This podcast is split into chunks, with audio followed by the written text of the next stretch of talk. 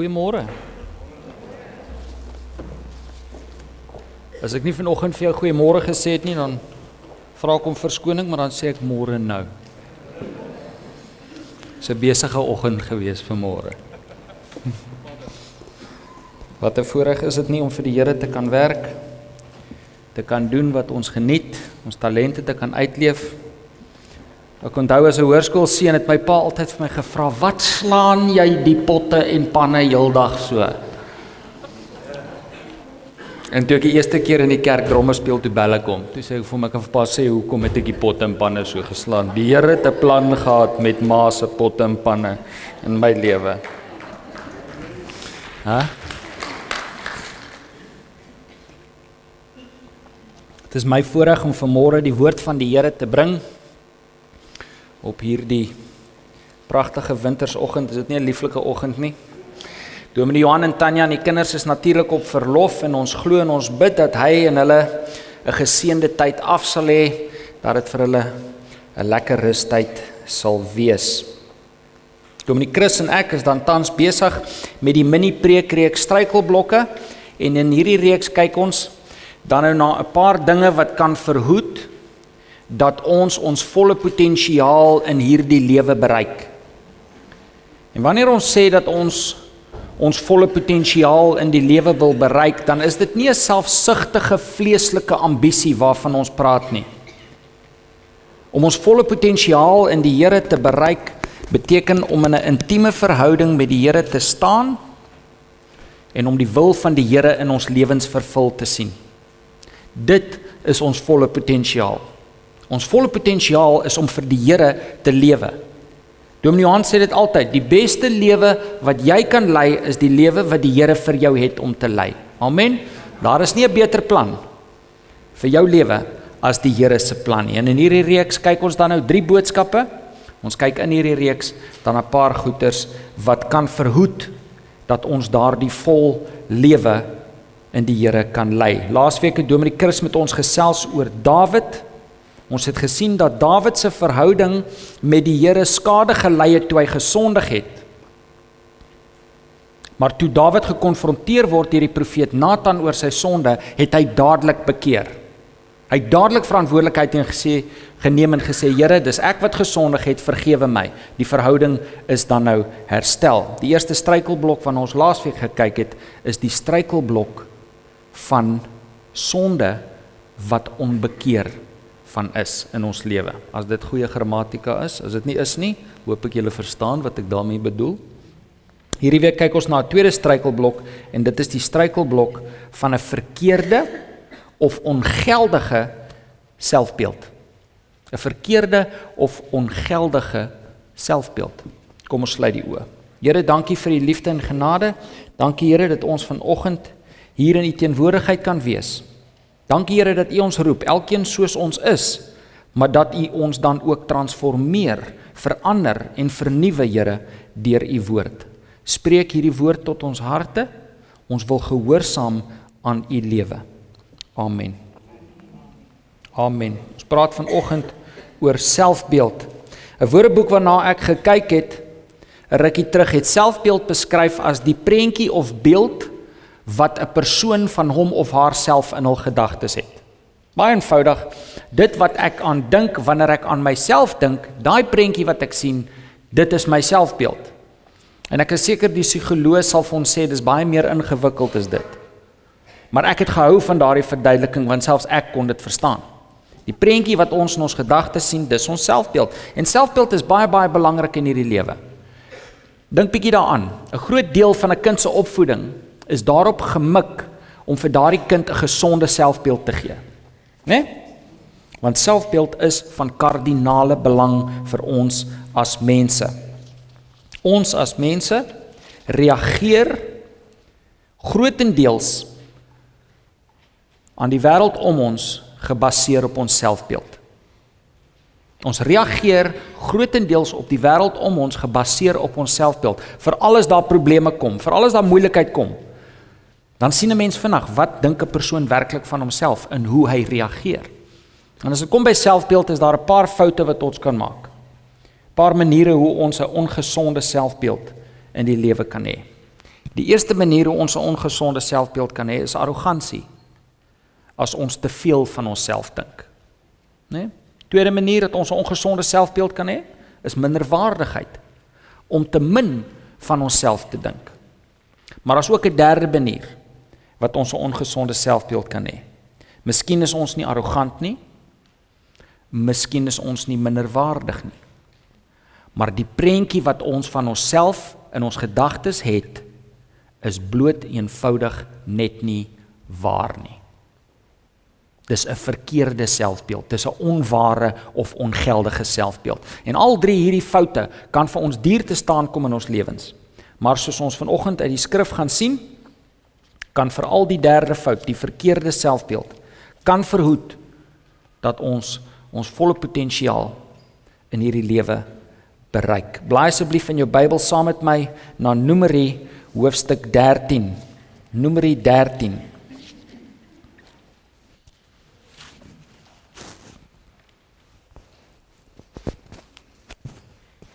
Numeri is die 4de boek in die Bybel. Ek en Jan de Wet, die sanger, het 'n verhouding wat my lewe lank gaan duur. Al weet hy dit nie. Want elke keer wat ek vir myself vra waar in die Bybel is die boek, dan kom Jan de Wet se liedjie op in my. Wie wie ken die lofliedjie? Genesis, Exodus, Levitikus, Numeri, né? Nee? Julle sal net nou miskien hoor daar's 'n Nuwe Testament weergawe ook. Matteus, Markus, Lukas, Johannes, Numeri 13. Ons lees van vers 1 af. Die Here het vir Moses gesê: "Stuur manne om Kanaan wat ek aan die Israeliete sal gee te verken. Uit elke voorvaderlike stam moet jy een stuur wat 'n leier onder hulle is." Op die bevel van die Here het Moses hulle toe van die Paran woestyn af uitgestuur. Al die manne was leiers onder die Israeliete. Af na vers 25 asseblief. Nadat hulle die land 40 dae lank verken het, het hulle teruggegaan Die verkenners het toe by Moses en Aaron en die hele vergadering van die Israeliete by Kadesh in die Paranwoestyn aangekom. Daar het hulle aan Moses hulle en aan die hele vergadering verslag gedoen en vir hulle die vrugte van die land gewys. Hulle het aan Moses gerapporteer en gesê: "Ons het in die land gekom waarheen U ons gestuur het. Dit loop oor van melk en honing en hier is van sy vrugte. Maar die mense wat in die land woon is sterk en die stede is versterk en baie groot." Ons het ook die nasate van Enak daar gesien. Die Amalekiete woon in die suidland, die Hetiete, Jebusiete en Amoriete in die bergwêreld en die Kanaaniete by die see en langs die Jordaan. Dis interessant. Hulle sê twee mooi goed. Melk en honing, hier's die vrugte. En dan spandeer hulle die res van die hoofstuk amper om al die vyande te beskryf. Net interessant. Vers 30. Caleb het egter die manne wat met Moses praat, stil gemaak en gesê: Ons moet beslis optrek en die land in besit neem, want ons kan dit doen. Maar die manne wat saam met hom gegaan het, het gesê nee, ons kan nie teen hierdie mense optrek nie, want hulle is sterker as ons. Die manne het toe 'n slegte gerug onder die Israeliete versprei oor die land wat hulle verken het. Hulle het gesê: "Die land wat ons gaan verken het, is 'n land wat die lewe vir sy inwoners onmoontlik maak en die mense wat ons daarin gesien het, is almal baie groot." Ons het daar ook die reuse gesien, die Enakiete stam van hulle af. Ons was so sprinkane in ons eie oë en so was ons ook in hulle oë. Daardie nag het die hele volksvergadering aanhoudend gekla. Al die Israeliete was in verset teen Moses en Aaron en die hele vergadering het vir hulle gesê: As ons maar in Egipte of in hierdie woestyn gesterf het, waarom het die Here ons na hierdie land toe gebring net om doodgemaak te word? Ons vrouens en kinders sal krygsgevangenes word. Is dit nie vir ons beter om na Egipte toe terug te gaan nie? Hulle het toe vir mekaar gesê: "Kom ons kies 'n leier en gaan terug Egipte toe." Ons gaan net tot daar lees, maar hou jou Bybel oop want ons gaan weer na een of twee van die verse kyk. Ons ken die verhaal. Moses stuur 12 verkenners die land in. Twee van hulle, Joshua en Caleb, kom terug. Joshua en Caleb, verskoon tog, kom terug en sê ja, ons kan die land vat. Die ander 10 sê nee.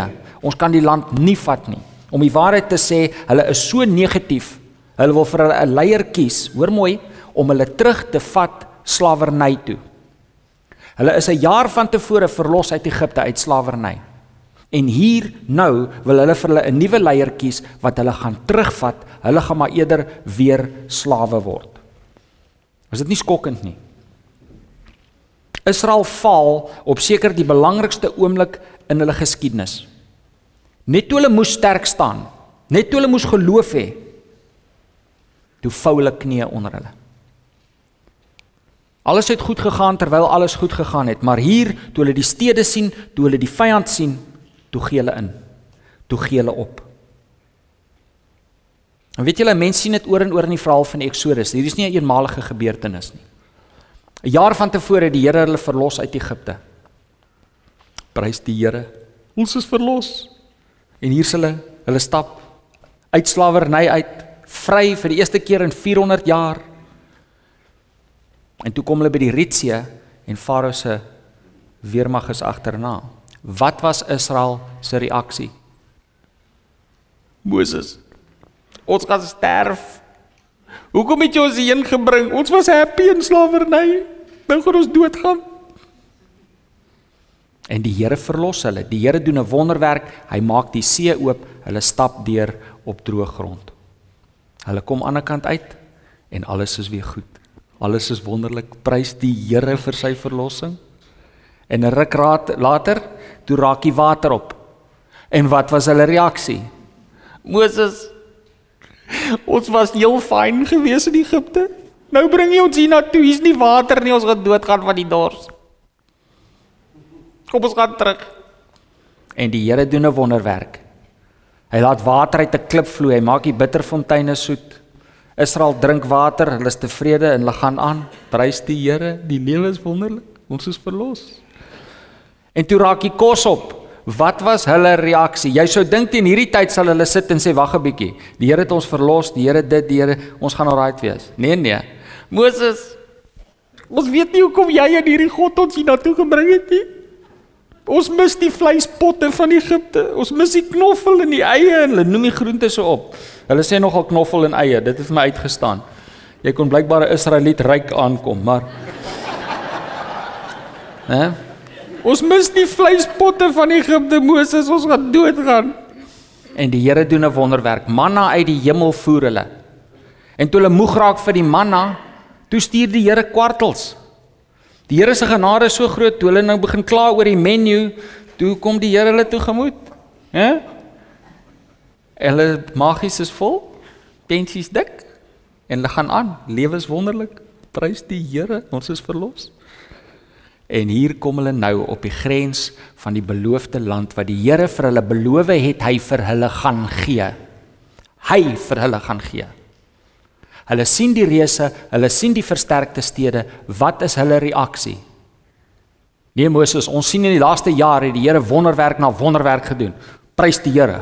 Ons kan nie wag om te sien wat hy met ons gaan maak in hierdie wonderlike land nie. Nee nee, wat is hulle reaksie? Moses, jy bring ons hier na toe. Ons gaan doodgaan. Ons kinders en vrouens gaan kruisgevangenes word. Ons is nou moeg vir jou. Ons gaan vir ons 'n nuwe leier kies. Ons gaan terug. Ons word eerder weer slawe. Skokkend, né? Oor en oor sien ons dit in die verhaal van die Eksodus. En weet julle, ek het hier gaan gesit en dink, toe dink ek by myself, wat sou ek doen as ek een van daai Israeliete was? Ek sou wou dink dat ek sal 'n man van geloof wees, weet ek sou probeer. Ek sou ten minste een keer probeer. Nee, kom ons gaan kyk. Ons try een fight. Né? Nee? Of ten minste om te sê, hoorie so, nee, wag 'n bietjie. Dalk oordryf hierdie ouens. Jy weet mos hoe's mense. Maak 'n storie meer opwindend wat hy hoef te wees, jy weet. Kom ons gaan kyk ten minste vir onsself. Maar hulle doen nie. Hulle doen nie. Hulle hoor 'n negatiewe verslag en net daar gee hulle op. Hulle gee op, hulle gee oor, dis verby, klaar. Ons gaan word eerder weer slawe as om te probeer vorentoe gaan saam met die Here. sien julle patroon? sien julle wat hier aangaan? Alles gaan goed solank dit goed gaan, maar elke keer dat daar druk kom, elke keer dat daar moeilikheid kom, dan val Israel uitmekaar uit. Hoekom? Wat is daar wat sal maak dat iemand so maklik uitmekaar val sonder om eers te probeer? Sommer net uitmekaar val. Ek glo die antwoord is in die teks. Kyk daar saam met my na Numeri 13 vers 32. Kyk weer na vers 32. Die manne toe 'n slegte gerug onder die Israeliete versprei oor die land wat hulle verken het. Hulle het gesê die land wat ons gaan verken het, is 'n land wat die lewe vir sy inwoners onmoontlik maak en die mense wat ons daarin gesien het, is almal baie groot. Ons het daar ook die reuse gesien, die Enakite stam van hulle af. Hier kom dit. Ons was so sprinkane in ons eie oë. En so was ons ook in hulle oë. Daar's die rede. Ons was so sprinkane in ons eie oë. Weet julle wat sê Israel daar? Ons is dalk baie soos 'n swerm sprinkane Moses. Maar ons het nie wat dit vat nie. Ons weet wat jy wil hê ons moet doen, maar ons is nie opgewasse vir hierdie taak nie. Ons kan dit nie doen nie. Die rede dat Israel gefaal het op hierdie belangrike punt was dat hulle 'n verkeerde selfbeeld gehad het. Hulle het die verkeerde identiteitsbeeld van hulself gehad het en dit het invloed gehad op hoe hulle opgetree het veral in moeilike tye. Toe die druk kom, toe val hulle uitmekaar uit. En hoor mooi. Hulle val uitmekaar uit en dan maak hulle verskoning daarvoor deur vir Moses te sê: "Maar Moses, jy moet verstaan. Ons weet jy is nou teleurgestel in ons. Maar jy moet verstaan, Ons is net slawe.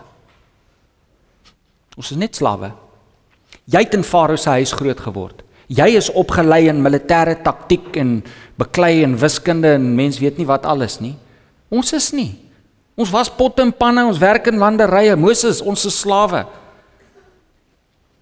Besef jy Moses dat toe my pa my raad gegee het, was dit een slaaf wat vir 'n ander slaaf raad gee. En nou wil jy hê ek moet dit doen. Ek kan nie.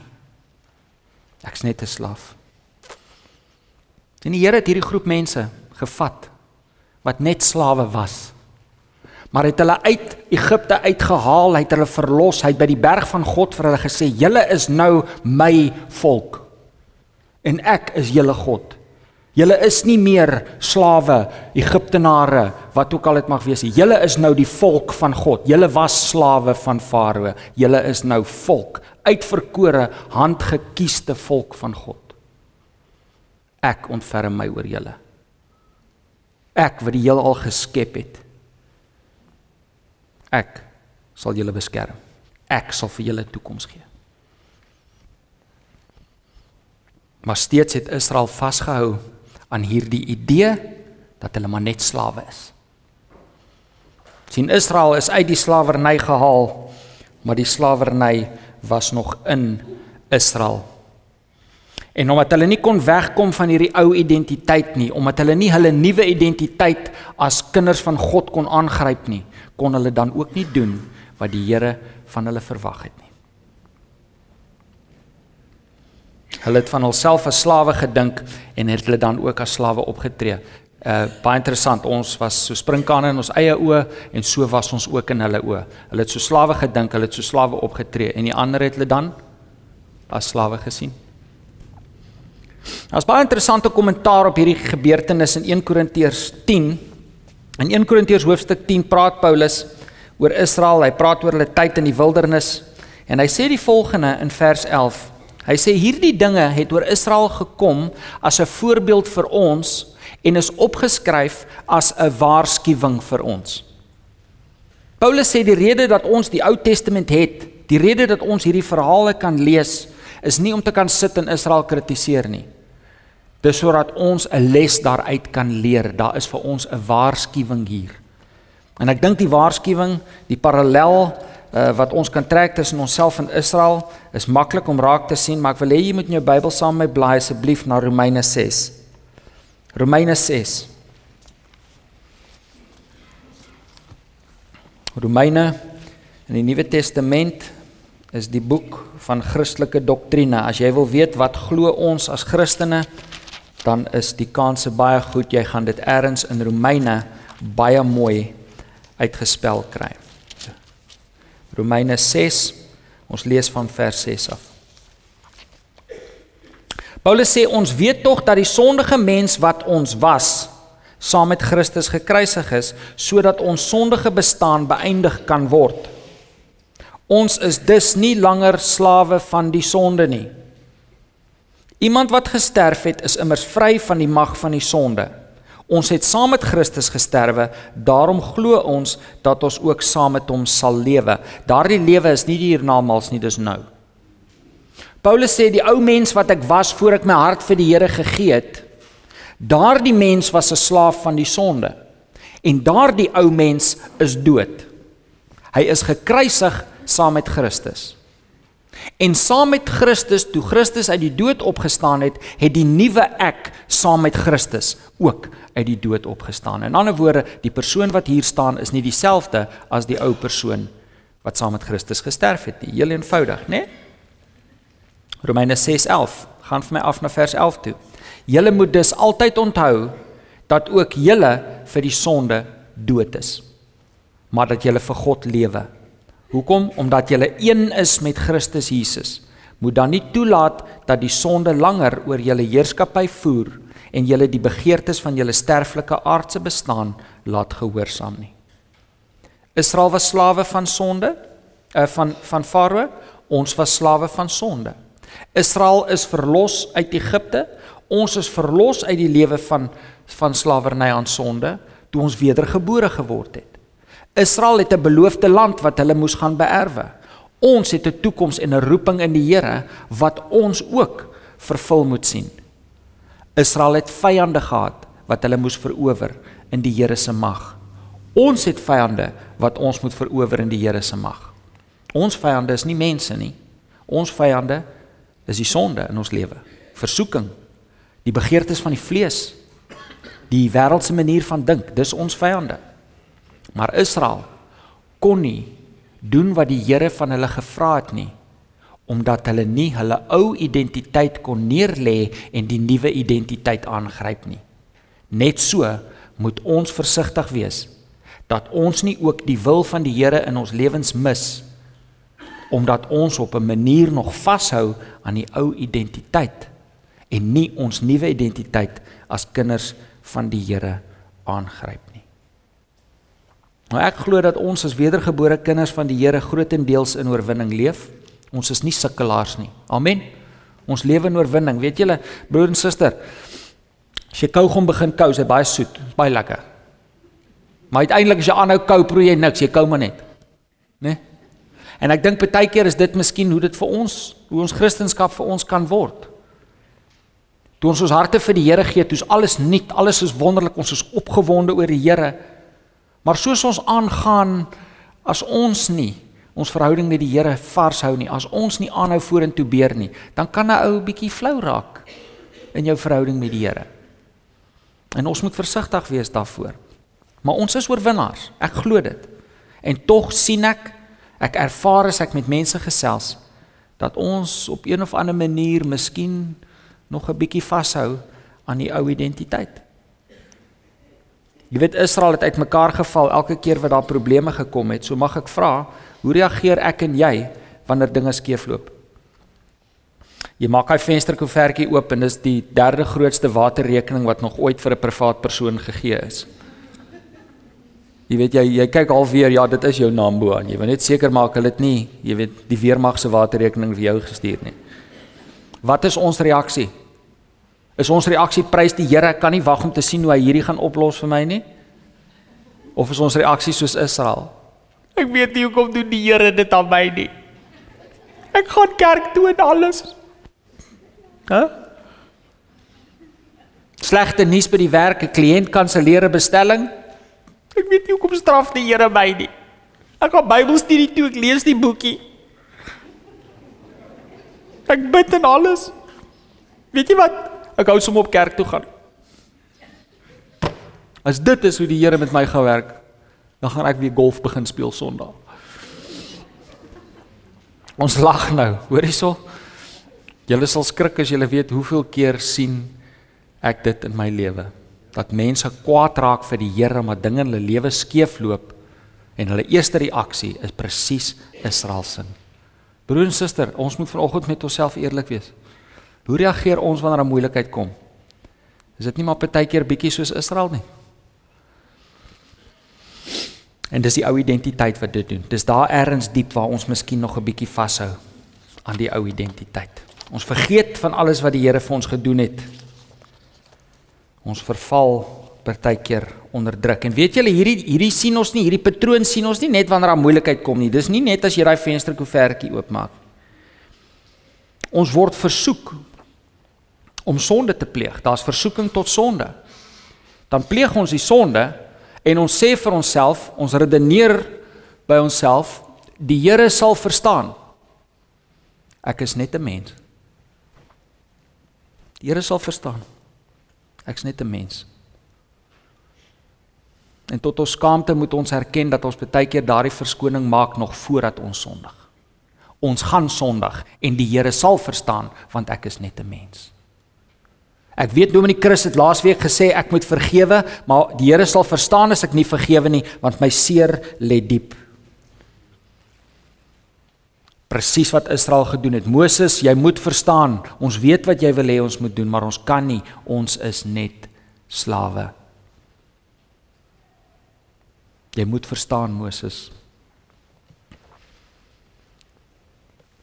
Ek is net 'n mens. En weet julle op hierdie manier broer en suster kry die duiwel ons om vas te hou aan ons ou identiteit. Slawe van sonde, kan myself nie help nie, ek's net 'n mens. Hy kry ons om vas te hou aan die sonde in ons lewe. Ons kan nie wegkom van hierdie ding af nie. Ons dra hierdie meelsteen saam met ons rond. Ons vertroetel hom want ons is net mense. En die ergste van alles is, hy oortuig ons dis nederig om so te redeneer. Ha, jy's daarom baie nederig. Ek's net 'n sondige mens, ek kan nie help nie. Ai, pragtig. Jy's mooi nederig. Ek kan maar trots wees op jou nederigheid, hoor. Né? Nou hoor jy, ek wil niemand se seer verkleineer nie. Ek lewe in dieselfde wêreld as jy. Ek kry daai selfde koeverte wat jy kry. Ek het daai selfde kliënte, ek het daai selfde probleme as jy. Ek wil niemand se se seer verkleineer nie. Maar dis tyd dat ons as Christene ophou verskoning maak vir ons sonde, ophou vashou aan die ou mens wat dood is, gekruisig saam met Christus. Dis tyd dat ons opstaan en die beloofde land wat die Here vir ons het, gaan vat. Want ons kan. Maar ons gaan nie kan as ons hier bly en verskoning maak vir ons sonde en ons swakheid en ons ongeloof nie. Op die raamwerke Nederigheid is nie minderwaardigheid nie. Nederigheid is om myself te sien soos God my sien. Nederigheid is om myself te sien soos God my sien. Nederigheid is nie om minderwaardig te wees nie. Ek kan nie minderwaardig wees nie. Die Here Jesus Christus het gesterf vir my. Dis 'n nuwe mens wat uit die dood opgewek is. Nederigheid is om myself te sien soos God my sien. En God sien my nie as 'n slaaf nie. God sien my nie as iemand wat myself nie kan help nie. So hoe behaal ons oorwinning? Hoe behaal ons oorwinning? Hoe gaan ons verseker dat ons nie langer as slawe dink en so slawe optree nie? Nommer 1, ons moet ons nuwe identiteit in die woord ontdek. Ons moet ons nuwe identiteit in die woord ontdek. Maklikste manier om van ons ou identiteit in ons hart ontslae te raak is om die nuwe identiteit aan te gryp. Ek het jare terug het ek met 'n meisie uitgegaan en dit was maar 'n bietjie 'n onstuimige uh, is dit regte woord onstuimige verhouding was maar 'n bietjie 'n moeilike verhouding geweest maar weet jy sy was my meisie en en uh ek was jonk en dom. Nou is ek nie meer jonk nie. Dit was jou kans om te lag, Janine. Dit is nou verby. Maar ek het hierdie meisie uitgegaan en uh soos ek sê, dinge het nie lekker gegaan nie, maar toe ontmoet ek 'n nuwe meisie. Ja, mooi hoor. Hm, mooi meisie. En uh begin toe met haar praat en so en ek kom toe al hoe meer agter nee, maar hoor hierdie hierdie verhouding is iets wat ek wat ek graag wil uh wil pursue. Jy weet ek wil bietjie kyk wat hier aangaan. Ek vat haar toe vir koffie en sy slaan my voete onder my uit. Ek was oorweldig deur hierdie volmaakte voorbeeld van vroulikheid. En daardie aand toe ek huis toe ry, kan ek jou beloof, was die ou verhouding verby. Dit was so verby ek het met daai meisie getrou. Die een wat uh, my toegelaat het om haar vir koffie te vat. Okay? Maar toe ek huis toe ry van daardie koffie afspraak af, toe's die ou verhouding verby. Daar is niks wat my sou maak weer teruggaan nie. Die maklikste manier om ons nuwe identiteit, uh, om ons ou identiteit neer te lê, is om die nuwe een aan te gryp. Kom ontdek wie jy is in Christus. Waar gaan ons ontdek wie ons is in Christus? In die woord van God. Want dit is die waarheid. Nederigheid is om myself te sien soos God my sien. Waar vind ek uit hoe God my sien? In die Bybel. Ek gaan in die Bybel ontdek wie ek is. Een van die belangrikste dinge broer en suster wat jy in jou lewe kan doen, is om jouself in die woord van God te ontdek. Wie is jy? Nie wat het jou ouers gesê gaan jy word nie. Nie wat het jou onderwysers gesê gaan jy nie kan doen nie. Nie wat sê ander mense van jou nie. Nie wat se skuldgevoel dra jy saam met jou nie. Wat sê die Bybel van jou? Wie sê die Bybel is jy? Kom ontdek in die woord wie jy is. Ek sien nêrens in die Bybel waar dit sê ons kan onsself nie help nie. Ek sien nêrens in die Bybel dat dit sê dat ons uitmekaar gaan val as die probleme net groot genoeg is nie. Ek sien in die Bybel in 1 Korintiërs dat dit sê ek is verenig met Christus. Die gees van hom wat Jesus uit die dood uit opgewek het, leef in my. Ek sien dat ek in Romeine 8 beskryf word as meer as 'n oorwinnaar. Paulus praat van al die probleme in die lewe en hy sê te midde van al hierdie dinge moet ons besef as Christene ons is meer as oorwinnaars in hom. Ons het gelees daar dat ons verenig is met Christus. Nuwe mense uit die dood uit opgestaan saam met die Here. Twee weke terug het Rian gepreek, toe praat hy van die triomftog. Onthou julle die prentjie van die triomftog van die van die keisers of die generaals van die Romeinse leer? Die Bybel sê ons is in daardie triomfkoets saam met Christus. Ek sien nie verloorders nie. Ek sien wenners. As ek in die woord kyk hoe ons as Christene beskryf word. Kom ontdek wie jy is. Kom ontdek wie jy is in die Bybel. 2 Korintiërs 5:17 sê die volgende: Daarom as iemand in Christus is, is hy 'n nuwe skepsel. Die ou dinge het verbygegaan, kyk alles het nuut geword. As iemand in Christus is, is hy 'n nuwe skepsel. Die Griekse woord daar sê iemand wat sy hart vir die Here gegee het, is 'n nuwe skepsel. Hy is iets wat nog nooit voorheen bestaan het. Toe jy gered geword het, toe jy jou hart vir die Here gegee het, het die Here nie jou ou sondige self gevat en hom 'n verf wit 'n laag wit verf gegee nie. Die Here het jou oorgemaak, daai eens dood. Ek het nou die dag daar in die huis gewerk, toe maak ek per ongeluk 'n gat in uh, Daniel se deur. Ja, my bokkie, pappa het so mooi gepatch, jy sal dit nie sien nie. Nee, En toe ek hier toe ek daai so byse krullik goed en ek stop hom en ek verf hom en blyk pragtig. Jy sal nie weet daar's 'n gat nie, maar ek weet daar's 'n gat. Né? Dis nie wat die Here met ons doen wanneer ons ons harte vir hom gee nie. Die Here vervang die deur man. En die deur kusyn. Jy's nuut. Kom ontdek in die woord wie jy werklik is. Broer en suster, gaan in jou binnekamer. Maak jou Bybel oop. Bring jou hart voor die Here en vra vir die Here om vir jou te wys. Hoe sien hy jou? Wat sê hy van jou? En dan tweedens op die raamwerke, ons moet ons nuwe identiteit ontdek in God se woord en dan moet ons ons verkeerde gedagtes in lyn met daardie waarheid bring.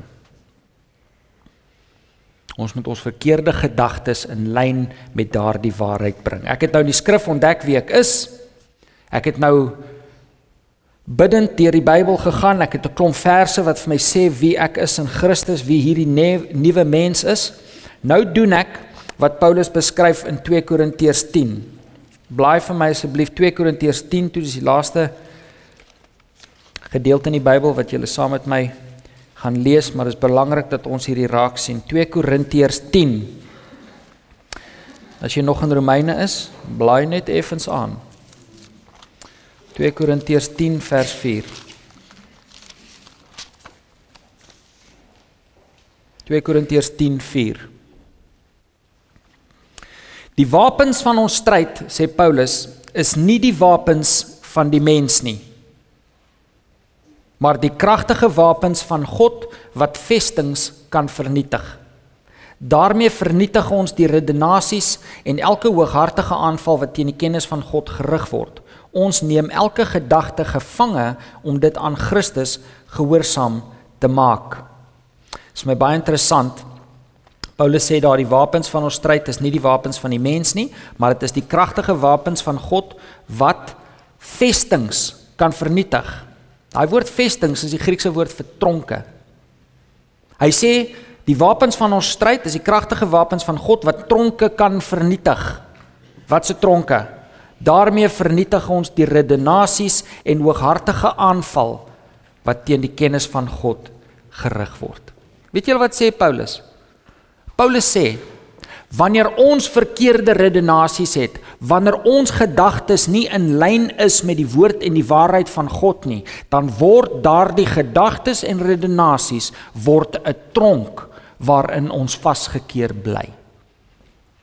Ek kan nie vorentoe nie, ek kan nie vry in Christus wees nie, want ek hou myself gebind deur verkeerde gedagtes.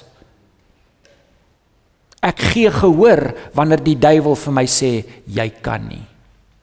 Ek gee gehoor wanneer dit vir my voel die stede se mure is te dik in hierdie beloofde land. Ek leen my ore uit aan die vlees wat nie eers wil probeer weerstand bied nie, maar sommer net opgee en dan die redenasie gebruik, maar die Here sal verstaan. Ek's net 'n mens. Broer en suster, ons gaan nie wegkom van ons ou identiteit, ons gaan nie wegkom van ons sonde as ons vashou aan redenasies wat ons gevange hou nie. En kyk wat sê hy daar, die laaste reeltjie. Hy sê daarmee vernietig ons die redenasies en elke hooghartige aanval wat teen die kennis van God gerig word, ons neem elke gedagte gevange om dit aan Christus gehoorsaam te maak. As iets dan nou moet tronk toe gaan, as iets dan moet gevange wees, laat dit daardie redenasies wees. Kom ons neem daardie redenasies gevange. Wanneer ons onsself kry dat ons dink ek's net 'n mens, ek kan nie. Ek's bang vir die toekoms. Ek weet ek weet nie wat ooh, jo, weet nie. As jy jouself kry dat jy so redeneer, gebruik daardie wapens. Nee. Die Bybel sê. Die Bybel sê. Weet julle die Here Jesus het op 'n keer met die Jode gepraat En hy het in Johannes 8 het hy vir hulle die volgende gesê: As julle aan my woorde getrou bly, is julle waarlik my disippels. En julle sal die waarheid ken en die waarheid sal julle vrymaak. As julle aan my woorde getrou bly, as julle waarlik my disippels, dan is julle waarlik my disippels en julle sal die waarheid ken en die waarheid sal julle vry